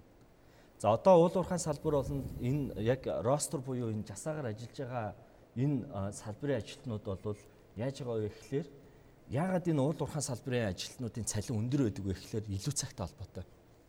Тэгэхээр сард 72 болгоод буурууллаа гэж бодоход за яг түрүүн хууль тогтоомжийн тухай хуулиар судалгаа хийсэн байх хэрэгтэй хідэн аж ахуйн нэгж байгууллагад хідэн яг энэ ростероор ажиллаж байгаа хүний цалин хэд болж буурах юм бэ гэдэг тооцоог өнөөдөр ажлын хэсэг гаргасан нь. Энэ ажилтан ч ашиггүй, ажил олгогч ч ашиггүй. Өөрөөр хэлбэл одоо яг энэ хуулийн шин зохицуулалт гараад ирэх юм бол илүү цаг буураад их чинь тий. Яг оюу толгойд шинэ ажиллаж байгаа ажилчдын нэг илүү цагаар ажиллах За энэ дээр би тайлбар өгч товчхон тайлбар багасч юм. Багасч байгаа. Ойролцоогоор хэлбэл оюутлогоо дээр нэг ажилтан жилдээ 2000 гаруй илүү цагаар ажиллаж байгаа. Энэ тухайн цагийн бас жоохон юу ах шиг байна. 1.5 дахин өндөрөөр авж байгаа. 1.5 дахин. Тэдээс бол байх болоо шууд 72 зэрэг авсан дээр байна. Авсан дээр. А та юу гэнэ? Тэгэхээр э, зүгээр энэ тооцооны хувьд бас жоохон э, зөрүү ах шиг байна гэж ингэж ойлгож байна. Тэгэхээр рос жасаагаар ажиллах э, ажилтан бол өдөртөө 12 цагаас илүүгүй ажиллана л гэдэг энэ зохицуулт. Тэгэхээр одоо чинь бид нэр судалгаа хийж үзсэн. Ростроор одоо ээлжийнхээ ажлыг зохион байгуулж байгаа 15 компани Монгол улсын хэмжээнд ажиллаж явуулж байна. За ингээ ажлагчдын тоог нэмэд үзэх юм бол одоо 10 гаруй мянган хүний тухай яригдчихэж байгаа юм. Тэгэхээр үндсэндээ хүний одоо потенциал бол сард 72 байгаа шүү дээ. Тийм ээ. Тэгэхээр би тайлбарлах гэж байгаа юм. Өдөрт 12 байж болно. Гэтэ сарын хязгаар нь 72 цаг.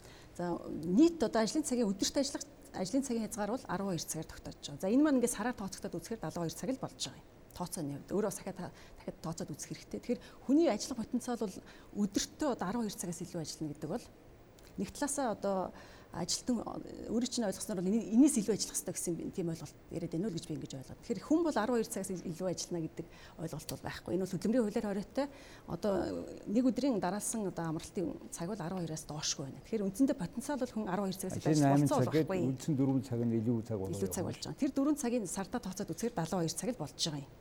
Тэгэхээр одоо ростроор ажилладаг хүний тухайд энэ хөдөлмөрийн хуулийн шинжилсэн хариулгын төслөөр одоо явж байгаа энэ саналаар бол ямар нэгэн байдлаар илүү цаг бол багасахгүй, илүү буурахгүй. Энийг би тодорхой бас тооцооны үндсэн дээр бол хийж байгаа шүү. Сар дахь ажлын хоног бол 21.2 байгаа. Өдөрт өрөөр үржүүл 80-д гараад ирнэ тий. 22 хоногт ростроор ажиллаж байгаа хүмүүс бол 21.2-оор ажилдаггүй. Сард 21 ажлын өдрөөр ажилдаггүй. 7 хоногийн 6 өдөр ажиллаж явж байгаа. Хагас өдөр нь тэр чигтээ илүү цаг байгаа Сарда 72 цаг ажилладаг тооцоо хаач байхгүй. Сарда 150 цаг, 160 цаг ажиллаж. Илүү цаг нь. Тэгэхээр энэ тооцоо яг хаанаас хийгээд байгаа гэдэг. Ингээд тооцоолоор бол 22 ажлын өдөртөө байлаа. 22 ажлын өдөртөө өдөрт 4 цагаар ажиллах үйл 88 цаг байна. Хаанаасаа 72 цагийн тооцоо гаргаж ирээд байгаа гэдгийг би ойлгохгүй байна. А за тэгээ хагас өдрийнх нь ажлыг аваад үзье. Хагас өдөр оюутлогоо дээр жишээлбэл өглөө 6-ад гараад орой 6 хүртэл ажиллаж байгаа. Гэтэ хагас өдөр ажиллаж байгаа бол энэ бүхлээрээ яаж байгаа гэхээр 1.5-аар бодогдож байгаа. Яад амралтын өдөр ажилласан учраас. Тэгэхээр энэ тооцооллуудыг ажлын хэсэг яг хаанаас судалгаа гаргаад эдийн засгийн тооцоолол гаргаад ирчихвэ. Бид нар ерөнхийдөө нэг судалгаа гаргана гэхээр ерөнхийн нэг 10 мянган ажиллаж байгаа хүн байна. Энэ 72 цаг болно гэдэг үндсэн концепцаа гаргачаад одоо байгаа нөхцөлийг яг эдийн засгийн тооцооллын үүднээс судалсан уу гэдэг асуудлыг л би асуугаад. За дараагийн нэг юм байгаа Шинэ хуулийн төслийн 76-гийн 2 дараах тохиолдолд ажилтныг илүү цагаар ажиллуулж болно. Энэ ростерт огт хамаагүй. Нэг нь болохоор улс орны батлан хамгаалах хүний аймнаас эрүүл мэндийг хамгаалахад зайлшгүй шаардлагатай ажил гүйцэтгэх. Хоёр нь гамшигт аюулд үзэл ослоос сэргийлэх түүний хор уршиг арилгах. Гуравт нь нийтийн усан хангамж цахилгаан дулааны эрчим гэмтлийг арилгах. Дөрөвт нь урьдчилан мэдэх боломжгүй бөгөөд яаралтай ажил гүйцэтгэхгүй бод аж ахуйн нэгж байгууллагын түүний салбар нэгжийн хэвийн үйл ажиллагаанд урчиж болсгүй саадаас сэргийлэх эсвэл учирсан саадыг арилгаж чиглэсэн хойшлууцгүй ажил үүсдэг. Иннээс өөр өөр бол хүнийг илүү цагаар ажиллаж болохгүй. За тэгвэл ростероор ажиллаж байгаа хүний өдрийн тэр 12 цаг ажиллаж байгааг урьдчилан мэдэх боломжтой байсан уу? Боломжтой тий. Өнөөдөр эми санд 12 цаг ээлж ажиллаж байгаа 12 24 гэдэг ажиллаж байгаа хүн 12 цаг ажиллаж байгаа энэ 12 цаг ажиллаж байгаа хүн урьдчилан мэдэх боломжтой юу? Үйлчлэгээний салбар жишээлбэл өглөө 10-аас орой 8 хүртэл ажилладаг. Энийг урьдчилан мэдэх боломжтой, урьдчилан мэдэх боломжтой. Чи манад ажиллаж байгаа бол ингэж ажиллана шүү. Ийм ийм цагтаа илүү цаг ажиллана гэж явж байгаа. Гэтэл энэ шинэ хуулийн зохицуултаар илүү цагаар дараах тохиолдолд ажиллана. Өөрөөр хэлбэл зөвшөөрснөөс бос нь хориглогдно. Зөвшөөрж байгаа заалт нь урьдчилан мэдэх боломжгүй бөгөөд гэж. Тэгэхээр энийг яг юу гэж бол? Энэ ажил олгогчид өнөөдөр ашигтай заалт юм уу? Яг өмнөх хуулийн 1999 оны хуулийн төслөөр хууль дээр угаасаа байгаа заалтыг хуулбарлаад тавьсан. Гэтэ өнөөдрийн байдлаар бүх энэ илүү цагаар ажиллаж байгаа ажил олгогч нар хууль зөрчиж явж байгаа байхгүй. Хууль зөрчиж явж байсан. Энийг хэвээр үргэлжлүүлэх гэж байгаа юм уу? Тийм энэ илүү цаг дээр шинэ хуулийн төсөл дээр 56 цаг гэдэг илүү цагийн 7 хоногийн зар тавьсан. За доор нь заалт байх юм бол унших унших байхаа гэж бодож байна. Ер нь бол зайлшгүй шаардлагатай үед ажил олгогч ажилтнтай тохиролцоод илүү цагаар ажиллаж болно гэсэн заалт өргөн барьсан хуулийн төсөл дээр явж байгаа. Тэрийг бас тавар уншаарай гэж ингэж хэлмээр байна.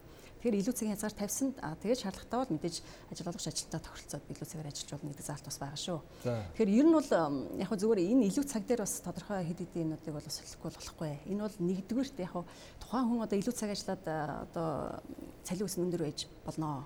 А гэхдээ энэ хүний одоо хөдөлмөрийн аюулгүй ирүүл хүн талаасаа ч аваад үзэхэд нөгөө талаасаа одоо юу гэдгийг ажил олгогч ажилтны энэ хоорондын харилцаа гэр бүл одоо юу гэдгийг гэр бүлдээ зарцуулах цаг хугацаа энэ бүх юм харгалцахад бол илүү цагийг одоо хит ингэж ажиллах нь бол одоо бас аль аль талдаа төвхтэй л асуудал үүсгээд байгаа. Ялангуяа энэ зөв хөдөлмөрийн аюулгүйд ирүүлэх асуудал дээр осол гарч байгаа шалтгаан нь бол одоо яг хувь хүний шалтгаалаад маш их осол гараад байна шүү дээ. Одоо жишээлбэл 300 гаруй осол бүртгэж байна. За тэрний одоо 50 орчим хувь нь яг хувь хүнээс шалтгаалж байгаа. Ядарсан. Одоо амралт муутай, нойр муутай хэмтийн энэ шалтгаан бас байгаа шүү. Тэгэхээр илүү цаг гэдгээ бас их болгоомжтой. А нэг талаасаа мэдээж цалин үс илүү байлгүй байгаа. Гэхдээ энийг бол зохицуулж тодорхой энэ бол шинжлэх ухааны үндэстэй тогтоогдсон. Үндсэндээ өдөрт бол хүн 12 цагаас илүү ажиллана гэдэг бол ойлголт байна. Нөгөө талаасаа энэ Монгол улсын одоо явж байгаа ганц хоёрхан төсөл ч уул уурхайн төсөл байгаа. А тэрэн дээр хол байгаа учраас мөхөр тэр жасгын нөө ростер гинөө тэгээд хүмүүс явж байгаа. Тэгээд оройн тэгж очих хагас өдөр чивэл тэгж ажилдаг баг. Тэгээд энийг зөв тооцож яг энэ тооцоогоо хуулиа батлахаас өмнө холбогдох хүмүүс нь дахин нэг хараасай энэ эдийн засгт хүмүүс ч гэсэн нөлөөлнө. Таны сая ярьсныг бас тооцох хэрэгтэй. Тэгээ ийм маягийн энэ хуулийн дээр давхар харах тухайн асуудал гарч явах шиг байна. Танайхаас асуулт юу вэ? За За сайн байна уу? Юуны өмнө өдрийн мэндийг хүргэе. Тэгээд надад эрх зүйч хуульч мөхөд хас асуухны асуулт байгаа. А та нөгөө нэг хөдөлмөрийн тухай хувьд эдийн засгийн одоо тооцоол хийгддэггүй гэж ирж ирсэн шүү дээ. А хэрвээ хөдөлмөрийн одоо хуулийн шинжилсэн найруулгад ажил олгогчдод эдийн засгийн тооцоолыг хийвэл манай ажил олгогчдод ямар давуу тал бий болох вэ? За яг энэ саяны тэр зайлшгүй шаардлагатай тохиолдолд ажил олгогч ажилтнтай тохиролцсны үндсэн дээр ч. За юу нь бол бид нэр ингээд яахалтай тендерт орох гэж байгаа юм аа. Чи ингээд тэ энэ тендерийн материалыг энэ 2 хоног дотор гээд тэ хэрэгжүүлээд энийг үүрэг даалгаврыг гүйцэтгэе гэхэд ажилтан өөгүй би илүү цагаар ажиллахгүй гэвэл энэ хуулиар илүү цагаар ажиллахгүй. Энэ хуулиар илүү цаг. Энийний яг үр дагавар нь юу болох вэ гэдгийг. Өнөөдөр яг тооцоос яг амьдралаар ажиллаж байгаа шүү. Ажиллаж байгаа. А тэгэхээр энэ эрхийг нь өгчөж байгаа. Ажиллахгүй гэж. Би энэ юусоо энэ компанид ажиллахдаа би огт илүү цагаар ажиллахгүй шүү. Би огт зөвшөөрөхгүй шүү гэж хэлэх эрхийг нь олгочихж байгаа. Хууль мэдээж амьдрал дээр хэрэгжинэ. За эдийн засгийн тооцоо судалгаа жишээлбэл сая хэлж байна. Яг хэдэн хувь нь за жилдээ 2220 хөдөлмөрийн маргаан гардаг. Хөдөлмөрийн хуулиар. За үүний 50.3% нь бол ажлаас өнсгөө халагдсан маргаан байна. За энэ бол шүүн таслах ажиллагааны тооцоо судалгаан дээр байна. Яг нэхэмжлийн шаардлага хэдэн хувь хангасан, хэдэн хувь хангаагүй гэдэг тооцоо судалгаа өнөөдөр ажлын хэсэгт байна уу? 80 орчим хүн гэж. Судалгаа орчмоор гарахгүй шүү дээ. За өнөөдөр яг энэ илүү цагтай холбоотой ажиллаж байгаа хүмүүсийн яг энэ хуулийн зохицуулалт гарч ирсний дараа эдийн засгийн үр дагаврыг танзан судлах хэрэгтэй хууль тогтоомжийн хуулиар. Эдийн засгийн үр дагаврыг танзан судлаад хэлбэл ажилтнуудын цалин үлс буурах юм уу өсөх энэ тооцоолол судалгаа өнөөдөр хийгдсэн үү? Яг энэ заалт бүрээрээ энэ ардталтан тооцоо судалгаа явж явах хэрэгтэй шүү дээ. Тэгэхээр энэ тооцоо судалгаа яг хаана байгаа? Чи парламент цэг эмэн дээр байгаа хууль тогтоомжийн төслийн дагуу бол хуулийн төсөлтэй тооцоо судалгаанууд нь давхар явж байгаа парламентын эм дээр тавигдсан тооцоо судалгаан дээр бол би олж хараагүй. Тэгээ одоо яг энэ тоог яагаад ажлын хэсгийн ахалж байгаа юм өгсгүүл гişүүд нь яг энэ тоонуудыг хэлж чадахгүй байна. Тэгэхээр бид нар тооцоо судалгаагүйгээр дараа нь болох үр дагаврыг нь гаргахгүй зөвхөн бусад улс орнуудын туршлагаас үүдэж яваад байна л та. Мэдээж сайн талууд байгаа. Non compete clause буюу өрсөлдөөний хязгаарлах заалтыг оруулж ирсэн байна. За тэр сахилган шийтгэл 20% хасдаг бус улс орнууд дугаасаа хүний цалингаас хасна гэдэг бол тэр хүний эрхээ суурилсан зарчимтай нийцэж байна. А гэхдээ яг энэ нөгөө одоогийн нөхцөл байдал дээр байгаа энэ илүү цагууд энэ ажиллах орчин нөхцөл дээр байгаа. Жишээл гүйцэтгэлийн үнэлгээг түрүүн буруу тайлбарлаад байна л та. Шүүхийн шийдвэрүүдийг харсан бол гүйцэтгэлийн үнэлгээгээр хөдөлмөрийн маргаан гаргасан хөдөлмөрийн маргааны хэдэн хувьд нь ажил болох шалтсан байхгүй байгаа шүү дээ. Тэгэхээр энэ шүүхийн шийдвэрүүдийг олж харсан уу? Жишээлбэл сахилгын зөрчил гэдэг ойлголт бол тухайн байгууллагын хэм хэмжээг зөрчиж байгаа үйлдэлийг хэлдэг. Гүйцэтгэл муутай ажиллана гэдэг чинь гүйцэтгээд хэмжээг дагсан уу дагсан. Энэ зөрчил мөн үү зөрчил биш шүү дээ. Тэгэхээр яагаад хууль дээрээ гүйцэтгэлийн үнэлгээг өөр хөлбөл тухайн байгууллага дотоод журмаараа тогтоосон гүйцэтгэлийн үнэлгээнээс хангалтгүй ажилласан гүйцэтгэл муутай ажлыг ажлаас халах гэж тусдаа заалт ажлаас халах заалтан дээр нь оруулж өгөхгүй байдаг.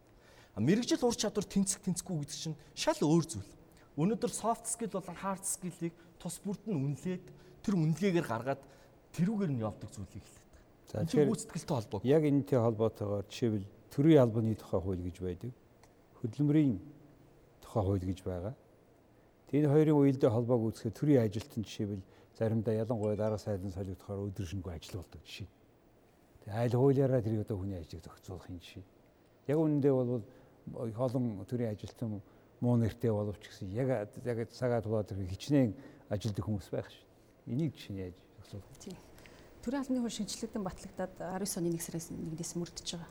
За энэ дээр яг хөө тэр нөгөө илүү цагийн асуудал тодорхой орсон.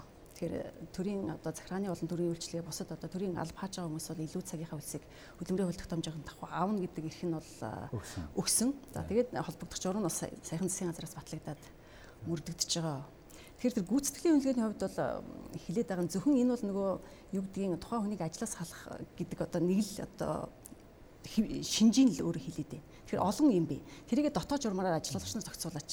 Гүйцэтгэлийн үнэлгээ хэрэгжүүлнэ. За энэс ийм ийм үнэлгээ авсан бол Энэ бол ажлаас алах хүндэслэл болно гэдэг энэ батсан ийм юмнуудаа бол ерөнхийдөө ажиллуулагч нар дотоод журам за хөдөлмөрийн гэрээн дээр маш сайн тодорхойлж тусах хэрэгтэй. Хөдөлмөрийн гэрээн дээр хөдөлмөрийн маргаанаас зайлсхийе. Дотоод журам дээр нөгөө хэсгийг зохицуулаа гэж хэлж байна тийм үү? Ерөнхий асуудлаар дотоод журмаараа зохицуулчаач. Хөдөлмөрийн гэрээн дээр наривчлсан тухайн хүнтэй ярьж тохирох юм байвал тэргүүрээ зохицуулаач. Ингэж хөдөлмөрийн одоо маргаанаас зайлсхийхгүй бол хэмжээгээс дотоод журам журмаараа зохицуулах. Бүх юмыг хөдөлмөрийн хуулиар зохицуулна. Одоо бүх одоо сахилгын зөрчил юу гэдэг бүгдийг хөдөлмөрийн хуулиар дурдна гэдэг бол үнэхээр ойлгомжтой яг юу хүсэж байгаа вэ гэхлээр ажлаас халах нэг үндэслэл нь өөрөө гүйцэтгэлийн үнэлгээ тий хангалттай ажил.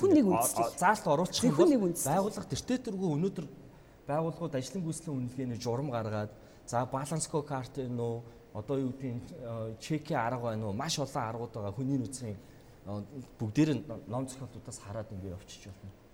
За тэгээд тэр болгоноор нь юм объектив байдлаар үнэлгээд үнэлгээгээ гаргачих болдог.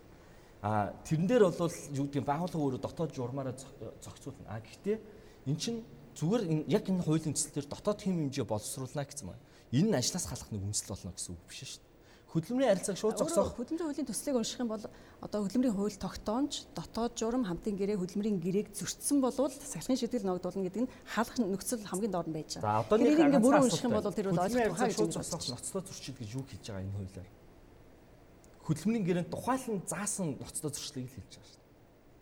Тэгэхээр энийг яг судалсан уу гэдэг асуудал гарч ирж байна. Тэгэхээр бол та энийг яриад байгаа. Эн чинь шал өөр авах. Тухайлбал гэрээнд үйлдэл тухай бүрийн тухайлан заана. Тэгэхээр энэ өөрөө зөрчил гэж байна. Сахилгын зөрчил гэж шалгуу хим хэмжээг зөрчиж байгаа үйлдэл хэлж байгаа. Гэтэл ажилтан өөрөө тэр хим хэмжээний дагуу ажиллаад гүйцэтгэл муу гарчаад байгаа шүү дээ. Энийг яагаад оруулчихлахгүй байгаа. Энэ энэ одоо зүгээр нэг саналын асуудал байгаа даа.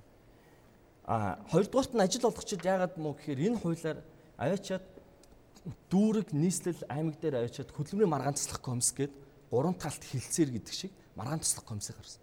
Нөгөө шүүхийн маргааныг бууруулах зорилгоор гурван талтын маргаан. Тэнд ажил олгогчийн зарим нэг ажил олгогчийн төлөөлөл байна. Ажилтны үйл буюу үйлдвэрчний эвлийн төлөөлөл байна. Төрийн захиргааны төлөөлөл байна.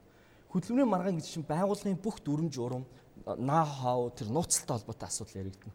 Гэтэл тэнд яг өрсөлдөгч байгууллагын ажилтан байна. А шүүх гэдэг бол өөрөө шүүх эрх мэдлийн тустай. Тусгаалan хуулиар нууцын зэрэглэлд орж явдаг тэ энэ нууцыг хадгалах үүрэг хүлээж идэг. Бусад орнд хэмжишээ байд юм. Бусад улс орнд энэ хөдөлмөрийн арбитрийг андуурч ойлгодог шүү. А тэгээ энэ хуулиар хуучин хуулиарсан хөдөлмөрийн арбитр арбитрийн тухай хуулиар байгуулад явж болдог гэсэн. Гэхдээ энэ хөдөлмөрийн маргааны үе шатыг нэмэгдүүлчихэж байгаа байхгүй. Дүүрэг дээрээ яваад төрийн захиргааны байгууллага Энэ асуулт байна? Аа за миний хувьд бол ажил олгогчны төлөөлж ирсэн байгаа. За барилгын салбарт 30 жил үйл ажиллагаа явуулж байгаа байгууллагт би гүйцэтгэх удирдлагаар ажилладаг ийм хүн байна. За өнөөдрийн хувьд бол миний хувьд хөдөлмөрийн тухай хуулийг яг ажил олгогчийн зүгээс бол ажиллахад ажил олгогчдод ямар одоо өөр яг одоо ашиглаж байгаа хуулиас ямар ашигтай тал, ямар илүү зүйл, ямар өөр одоо зүйл ямар өөрчлөлт байгаа бол гэдэг сонирхлоор одоо ирсэн байгаа. Маш маш их сонирхож ирсэн. За хөдөлмөрийн тухай хууль бол Монгол хуульчийн хэлдгээр бол тухайлан нэрлэн заасан байхыг бол шаарддаг тийм ээ.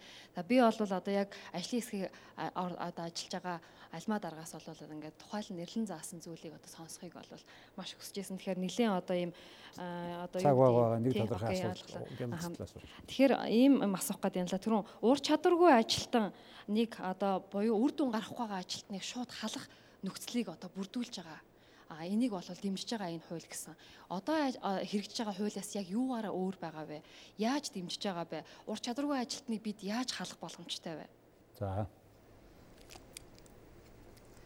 Тэгэхээр яг гүйцэтгэл ур чадвар гэсэн юм бас нэлээд өнөөдөр яригдлаа. За одоо хөдөлмөрийн хуулийн төсөл дээр одоо энэ бас нэлээд улсын хурал дээр ажлын хэсэг ажиллаад одоо яг өргөн барьснаас бол бас жоохон өөр болж байна. За үндсэндээ ажлын хэсэг бол их хурал дээр гарсан ажлын хэсэг 14 зарчмын санал гаргаж байгаа. За тийм дотор наад санал чинь бас явж байгаа.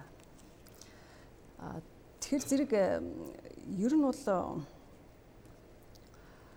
а үнэхээр тэр яг үнэхээр сахилгын зөрчлөө эсвэл одоо гүйцэтгэлээ үнэлгээ муу байна уу гэдэг юм аа бол ажил олгогч өөрөө тогтоол гэдэг энэ хуулийн одоо зүйлийг заалтыг бол нэмж оруулж байгаа. Одоо бол мэдж байгаа бах дээд шүүгийн тайлбараар энэ бол ингээд надцаачлалын комиссийг гаргаад ингэж явдаг. Үнэхээр тэр ажил олгогч өөрөө тогтоогоод ур чадвар нь муу вэ гүйцэтгэл муу вэ гэдэг өөрөө тогтоо. Ажил олгогч өөрөө тогтоо гэдэг энэ одоо заалт бол одоо бас энэ ажлын хэсэг дээр ажиллаж байгаа. Тэр ажил олгогч миний тогтоосон үзүүлэлтээр та чадахгүй байна гэж ажиллаж өөрөө л тогтоо. Түүнээс ажилтнаачлалын комиссийн 3 дахь хөндлөнгийн итгээд дээр. Ур чадварыг одоо үнэлүүлнэ гэдэг асуудал бол бас яг өөрөө чи ярьж байгаа бол зүйл асуулт байна. Тэгэхээр би товчхон бас нэг хитгэн зүйл ажил болгосон талаас гэж өнөөдөр ярьж байгаа. За та хоёр ярилцлаа одоо нэг нэг минут байна. Хаагаад нэг яриад байгаа ш. За за ихээ та ярьж. За тэгэхээр яг энэ хөдөлмөрийн хуулийг мэдээж ажил олгогчдын хувьд сонирхож байгаа. Ажилтан хүн бас миний эрх яаж хамгаалагдах вэ гэдгийг сонирхож байгаа. Тэгэхээр энэ ер нь бол нэг тэнцвэрийн асуудлын тухай мэдээж нэг залтан дээр ажил олгогч одоо давуу эрхтэй юм шиг уншигдэж магадгүй. А нөгөө залтан дээр энийг тэнцвэржүүлэх имийг төрөөс одоо хууль тогтоомжийн үрээдээ шийдэхийг одоо энэ хөдөлмөрийн хуулийн төсөл зорьсон шүү. Тэгэхээр энэ маань мэдээж мэдээж төгс төгөлдөр юм гэж бол байхгүй. Гэхдээ одоо энэ хөдөлмөрийн зах зээл дээр үүсэж байгаа харилцаануудыг аль болох оновчтой зохицуулъя. Ажил олгогч ажилтан хоорондоо энэ зохицуулах боломжийг олгоё. За хөдөлмөрийн маргаанаас аль болох урьдчилан сэргийлье. За тэр хөдөлмөрийн маргаан гарах юм бол тэр гурван талт гэдэг тэр бол үнэхээр зүгээр нэг бүтцэл биш. Энэ бол олон улсын практикт байдаг туршлага. Анхан шатанд нь шийдвэрлэх За аль болох тэр шүүхтэр очиж шийдэхгүйгээр анхан шатанд нь ойлголцуулах зөвшөлт зүйл. Нууц задлах бол хамаагүй. За тэр нууцын хувьд бол тэр дүрм журмаараа шийдэж болцолтой асуудал. Тэгэхээр ажиллаар ажлаас халах маргааныг буруу шилжүүлсэн халахтай холбоотой маргааныг энэ хороо бол шийдэхгүй. Энэ бол шүүхтэр очдог маргаан шүү. Тэгэхээр нэг баг зэргийн одоо үйл ойлголцсон маргаан гарсан нөхцөлд бол энэ одоо комиссар өөрийнх нь хүсэлт байвал хүслээрээ шийдвэрлэх нь болцоо юм солгоё гэдэг юмнууд бас байгаа шүү гэдгийг та бүхэндээ бас хэлхийг хүсэж байна. Тэгээд улам бас энэ хуулийн төс сайжрах хаа энэ саналуд гарч байна. Оо цалингийн асуудал бол байгууллага хамгийн том нууцлын асуудал та. Аа тэрийг л хэлээд байна. За хоёрдугаарт нь бол энэ хууль дээр жишээлбэл өмнөх хууль дээр бол хүнийг албан тушаал бууруулж болдоггүй. Албан тушаал дэвшүүлэх, албан тушаал шилжүүлэх зохицуулалт бол маш хязгаарлагдсан. Одоогийн 1999 оны хөлбөрийн хуулийн зөвхөн 3 үндслээр л хүнийг албан тушаал шилжүүлж болдог гэсэн байгалийн гамшиг сул зогсоолт эрүүл мэндийн шилтгаан. За шинэ хууль дээр мөн адилхан албан тушаал бууруулах албан тушаал дэвшүүлэх нь менежментийн босоо олон карьерийн хэвтэй өсөлтийг хийх боломжгүй. За ажил олгогчийн э, ээлгүй нэг суур хим хэмжээ гэдэг байна. Энэ суур хим хэмжээ бүх талаас нь өсгөгцөн. Би ганцхан жишээлч. Шинэ хуулийн төслийн 46 дугаар зүйл бөөнөр бөөнөр хаалх үеийн зохицуулалт дээр. За 46 дугаар зүйл дээр юу байсан бэ гэхээр бөөнөр халж байгаа тохиолдолд хилцээр хийнэ гэж. За ажил олгогч мэдээж бөөнөр халлаа. 46-гийн 2 дээр ямар асуудал байгаа гэхээр ажилтны төлөөлөгч халагдах ажилтныг тоог багасгах талаар хэлцэх хийх хэрэгтэй. За сул оронтоон дээр энэ ажилтнуудыг шилжүүлэх хэрэгтэй. Тэгэхээр нөгөө талаасаа хуучин хуулиар бол шинээр тэр оронтоо хасагдсан ажлын байрыг 6 сар дотор тэр оронтоо бий бол ажилтны эргүүлж авах үүрэгтэй байсныг жил болгоцсон. Ингээ бүх стандартыг нөгөө ажилтны талдаа ингээ дээшлүүлээд ингээ гаргаад ирсэн баг. Тэгээ юуныг ажил олгогчид өнөөдөр эрх ашигыг хамгаалсан эсвэл ажил олгогчид ээлтэй гэж ойлгож байна. За. Тэгэхээр бид энэ э, чухал асуудлыг хилцлээ. Хугацаа дуусч байна. Ямар ч гэсэн зарим энэ асуудлыг шийдэхэд бүх юмыг хуулиар зохицуулна гэж байхгүй. Гэтэ хууль нь бол ямар ч гэсэн хүмүүсийн амьдралыг, ажлыг хамгаалахаас гадна бүтээмжийг нь таарсан хөрөнгө цалин олгох. Тэгээ тэр ерөнхийдөө эдийн засгт өрсөлдөөн байж ижил тэр том сав эдийн засгч өөрөө бүтээх чадвар нэмэгдэн шүү дээ. Ер нь бол хөдөлмөрийн альва нэгэн хүний цалин гэдэг бол хөдөлмөрийн бүтээмжтэй холбоотой. Тэгээ энэ үүднээсээ бид энэ асуудлыг өнөөдөр ингээ хөндөж тавилаа. Мэдээж 40 минутанд ийм чухал асуудлыг нэг цагийн дотор ярьчихгүй. А ямар ч гэсэн бидний өнөөдрийн яриа энэ шинэ хуулийг хуулийг шинжлэхээс өмнө холбогдох хүмүүст нь очих байхад найдаж байна. Тэгээ өнөөдөр манай энэ хил цэвэгт идэвхтэй оролцсон манай юуны талд хоёр талд хоёр зочиндоо талархаж байна. Цэндиживийн Мөнхбат баруун гар талаас энэ судлаач эрх зүйч хүн байгаа. Зүүн гар талаас Баасан сүрэнгийн альмаа хөдөлмөр нийгмийн хамгааллын яамны газрын дарга та хоёртоо талархаж байна. Их баярлалаа. За мөн манай үзэгчдэд хүрэлцэж ирсэн залуус талархаж байна. Ингээд нийт үзэгчид та бүхэндээ мөн талархаж байна. Одоо манай нэвтрүүлгийг дараа үзтлээ Баяртай их баярлалаа.